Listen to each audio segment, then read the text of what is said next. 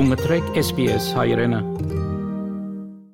Ողջույն հարգելի ունկնդիրներ, անցաչափաթը Հայաստանում, Արցախում եւ Սփյուռքում։ Ամանորյա ոչ մի հրաշք չեղավ Արցախն աշխարհին կապող ճանապարհը մնում է փակ արդեն 22 օր։ Ստեփանակերտում բազմաթիվ խանութներ արդեն չեն էլ բացվում, իմաստ չկա։ Բաց են մեծ խանութները, որոնք պահեստավորած ապրանք ունեն եւ parberabar հանում են քիչ-քիչ վաճառում։ Մարդիկ էլ շատերը pašար են ստեղծել, որպիսի կարողանան երկար ձգել, ասում է Ստեփանակերտի բնակիչներից մեկը։ Պարզավոր հոգեբանորեն ազդում է մարդկանց վրա այդ այդ վիճակը հիմնական նպատակներից մեկը բացի իրանց մեծ քաղաքական նպատակներից մի նպատակն է որ հոգեբանորեն ազդեն, պարզավոր ազդում է մեկն էլ ես եմ իմ վրա ազդում է, բայց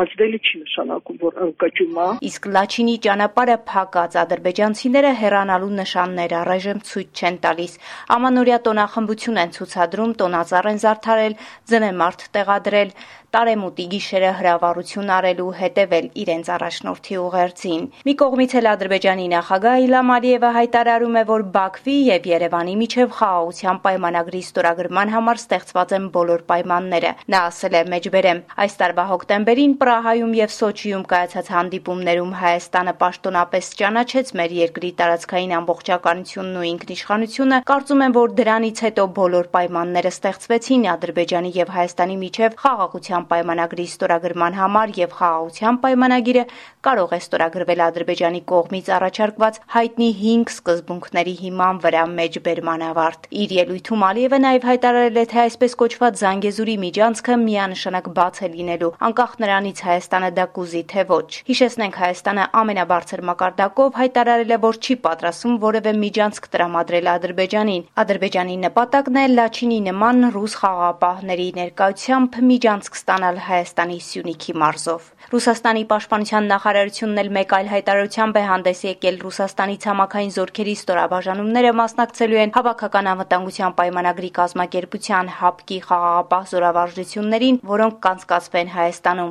Այս մասին հայտնում է Ռուսաստանի պաշտպանության նախարարությունը։ Ռուսաստանի Դաշնությունից դուրս Հայաստանի տարածքում կանցկացվեն ՀԱՊ խաղաղապահ զորամիավորումների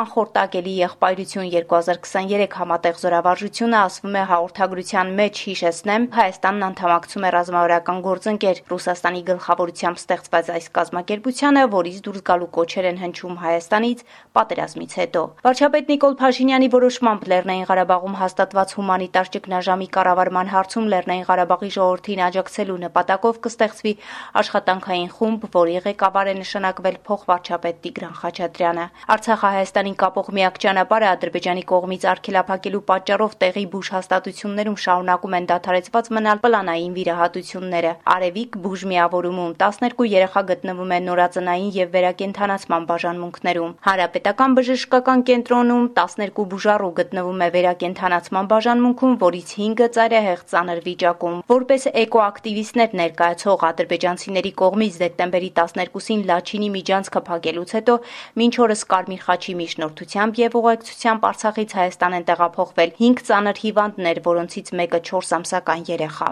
Թեև պաշտոնապես Երակողմ հանդիպում նախատեսված չէր, սակայն Պուտինը, Փաշինյանն ու Ալիևը անցած շաբաթ քննարկել են տարածաշրջանում ստեղծված իրավիճակը, հայտարարել է Ռուսաստանի նախագահը Հայաստանի վարչապետի հետ հանդիպման ժամանակ։ Ընդունելով Փաշինյանին, Պուտինը կրկին հիշեցրել է Հայաստանի ու Ռուսաստանի միջև առևտրաշրջանառության աճող տեմպերը, միաժամանակ ընդգծել, որ այժմ այլ կարևոր խնդիրներ կան։ Но мы с вами вчера начали еще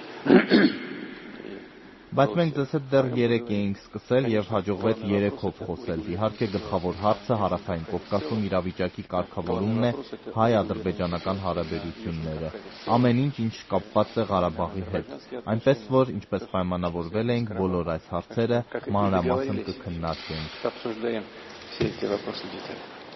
Փաշինյանը հանդիպմանն իր խոսքում նշել է, ուզում եմ հիշեցնել, որ Ռուսաստանի, Ադրբեջանի նախագահների ու Հայաստանի վարչապետի եռակողմ հայտարարությամբ Լաչինի միջանցքը պետք է լինի ռուս խաղաղապահների վերահսկողության տակ եւ որ Ադրբեջանի Հանրապետությունը երաշխավորել է այդ միջանցքով ուղևորների, բեռների ու մարդկանց անխափան անցումը։ Հիմա ստացվում է Լաչինի միջանցքը ռուս խաղաղապահների վերահսկողության տակ չէ։ Ուզում եմ հիշեցնել, որ Ռուսաստանի, Ադրբեջանի նախագահների ու Հայաստանի վարչապետի եռակողմ հայտարարությամբ Լաչինի միջանցքը պետք է լինի ռուս խաղաղապահների վերահսկողության տակ և որ Ադրբեջանի Հանրապետությունը երաշխավորել է այդ միջանցքով ուղևորների, բեռների ու մարդկանց անխափան անցումը։ Հիմա ստացվում է Լաչինի միջանցքը ռուս խաղաղապահների վերահսկողության տակ չէ։ Իհարկե կուզեինք քննարկել այս իրավիճակը, թե ինչ տարբերակներ կան։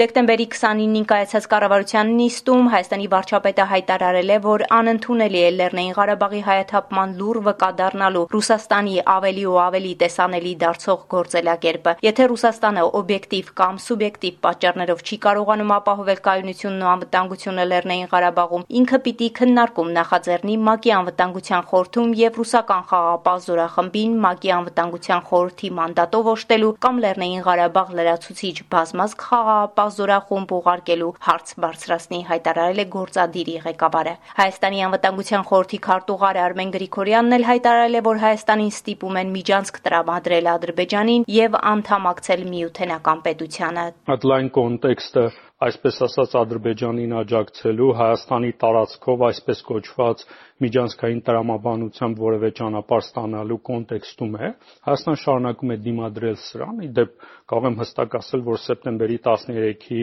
սրացումը նաև փոխկապակցված է սրա հետ եւ ամբողջ ճգնաժամի հենքը կամ դրդապատճառը հիմնական սա է։ Իսկ մինչ այդ Ադրբեջանը Հայաստանի հետ սահմանին Քելբաջարի շրջանում տեղակայել է երկու նոր ռազմական օբյեկտ։ Բացի այդ, շինարարները շահագործման են հանձնել պահեստների կենտրոն, որի միջոցով կիրականացվի Քելբաջարի եւ Լաչինի շրջաններում տեղակայված ադրբեջանական բանակի ստորաբաժանումների մատակարարումը։ Դեկտեմբերի 28-ի ժամանակավորապես դադարեցվել է Արցախի Կաշենի հանքավայրի շահագործումը, Base Metals ընկերության ղեկավարության հետ համատեղ որոշում է կայացվել ժամանակ ժամանակավորապես դադարեցնել հանքավայրի շահագործումը մինչև միջազգային էկոլոգիական փորձաքննության ավարտը, հայտնում է Արցախի կառավարությունը։ Նշենք, որ հենց այս պահանջով են հավաքվել Ադրբեջանի էկոակտիվիստներ ներկայացող անձինք, որոնք փակել են Լաչինի միջանցքը։ Արցախի բնապահպանական կոմիտեի փոխնախագահ Վարամ Հայրապետյանն ասել է, որ կոմիտեն այդ հրավերն ուղղել էր մինչև Լաչինի միջանցքի փակումը այն օրը, երբ ադրբեջանցիները Մարտակերտի շրջան Կաշենի հանքավայրի մոտ էին հասել մենք առաջարկել ենք, որ եթե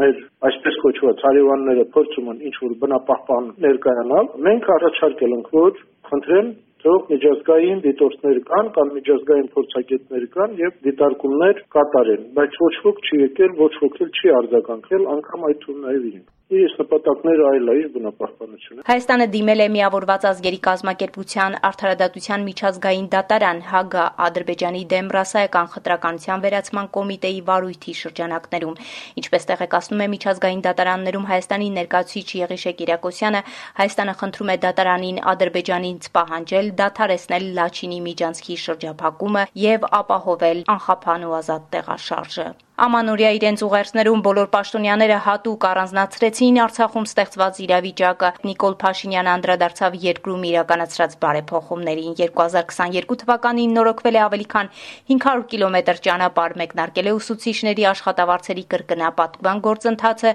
Երրորդ հանրապետության պատմության մեջ առաջին անգամ Արբանյակ է արձակվել տիեզերք, նոր ավտոբուսներ եւ տրոլեյբուսներ են ձեռք բերվում մայրաքաղաքի համար, բարձրացվել է նվազագույն աշխատավարձը, բարձրացվել են գիտնական գիտնականների աշխատավարձերը ավիաընկերություն է հիմնվել։ 2022 թվականը ծանր մարտահրավերների տարի էր։ Լաչինի միջանցքի ապորինի շրջափակումը ծանր վիճակի մեջ է դրել Լեռնային Ղարաբաղի մեր քույրերին ու եղբայրներին, մեզ բոլորիս։ Այս իրավիճակի քաղաքական գնահատականի եւ հնարավոր լուծումների մասին արդեն բազմիցս խոսել եմ։ Այս պահին ուզում եմ ամուր գրկել շրջափակման մեջ հայտնված մեր քույրերին ու եղբայրներին եւ նրանց ասել, որ տարածաշրջանում հարաբերությունների որակ փոխելու ասելիքի կարևոր հասցեատերն են իրենք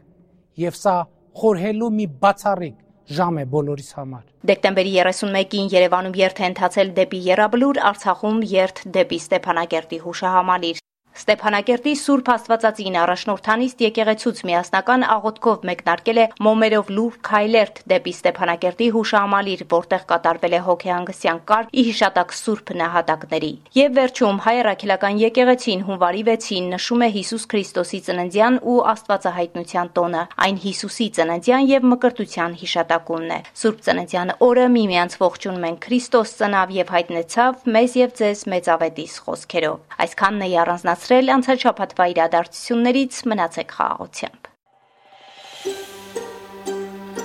Կուզես լսել նման բանություններ, կընտրե Apple Podcast-ի, Google Podcast-ի, Spotify-ի վրա, կամ որտեղեն որ podcast-ը դուք լսես։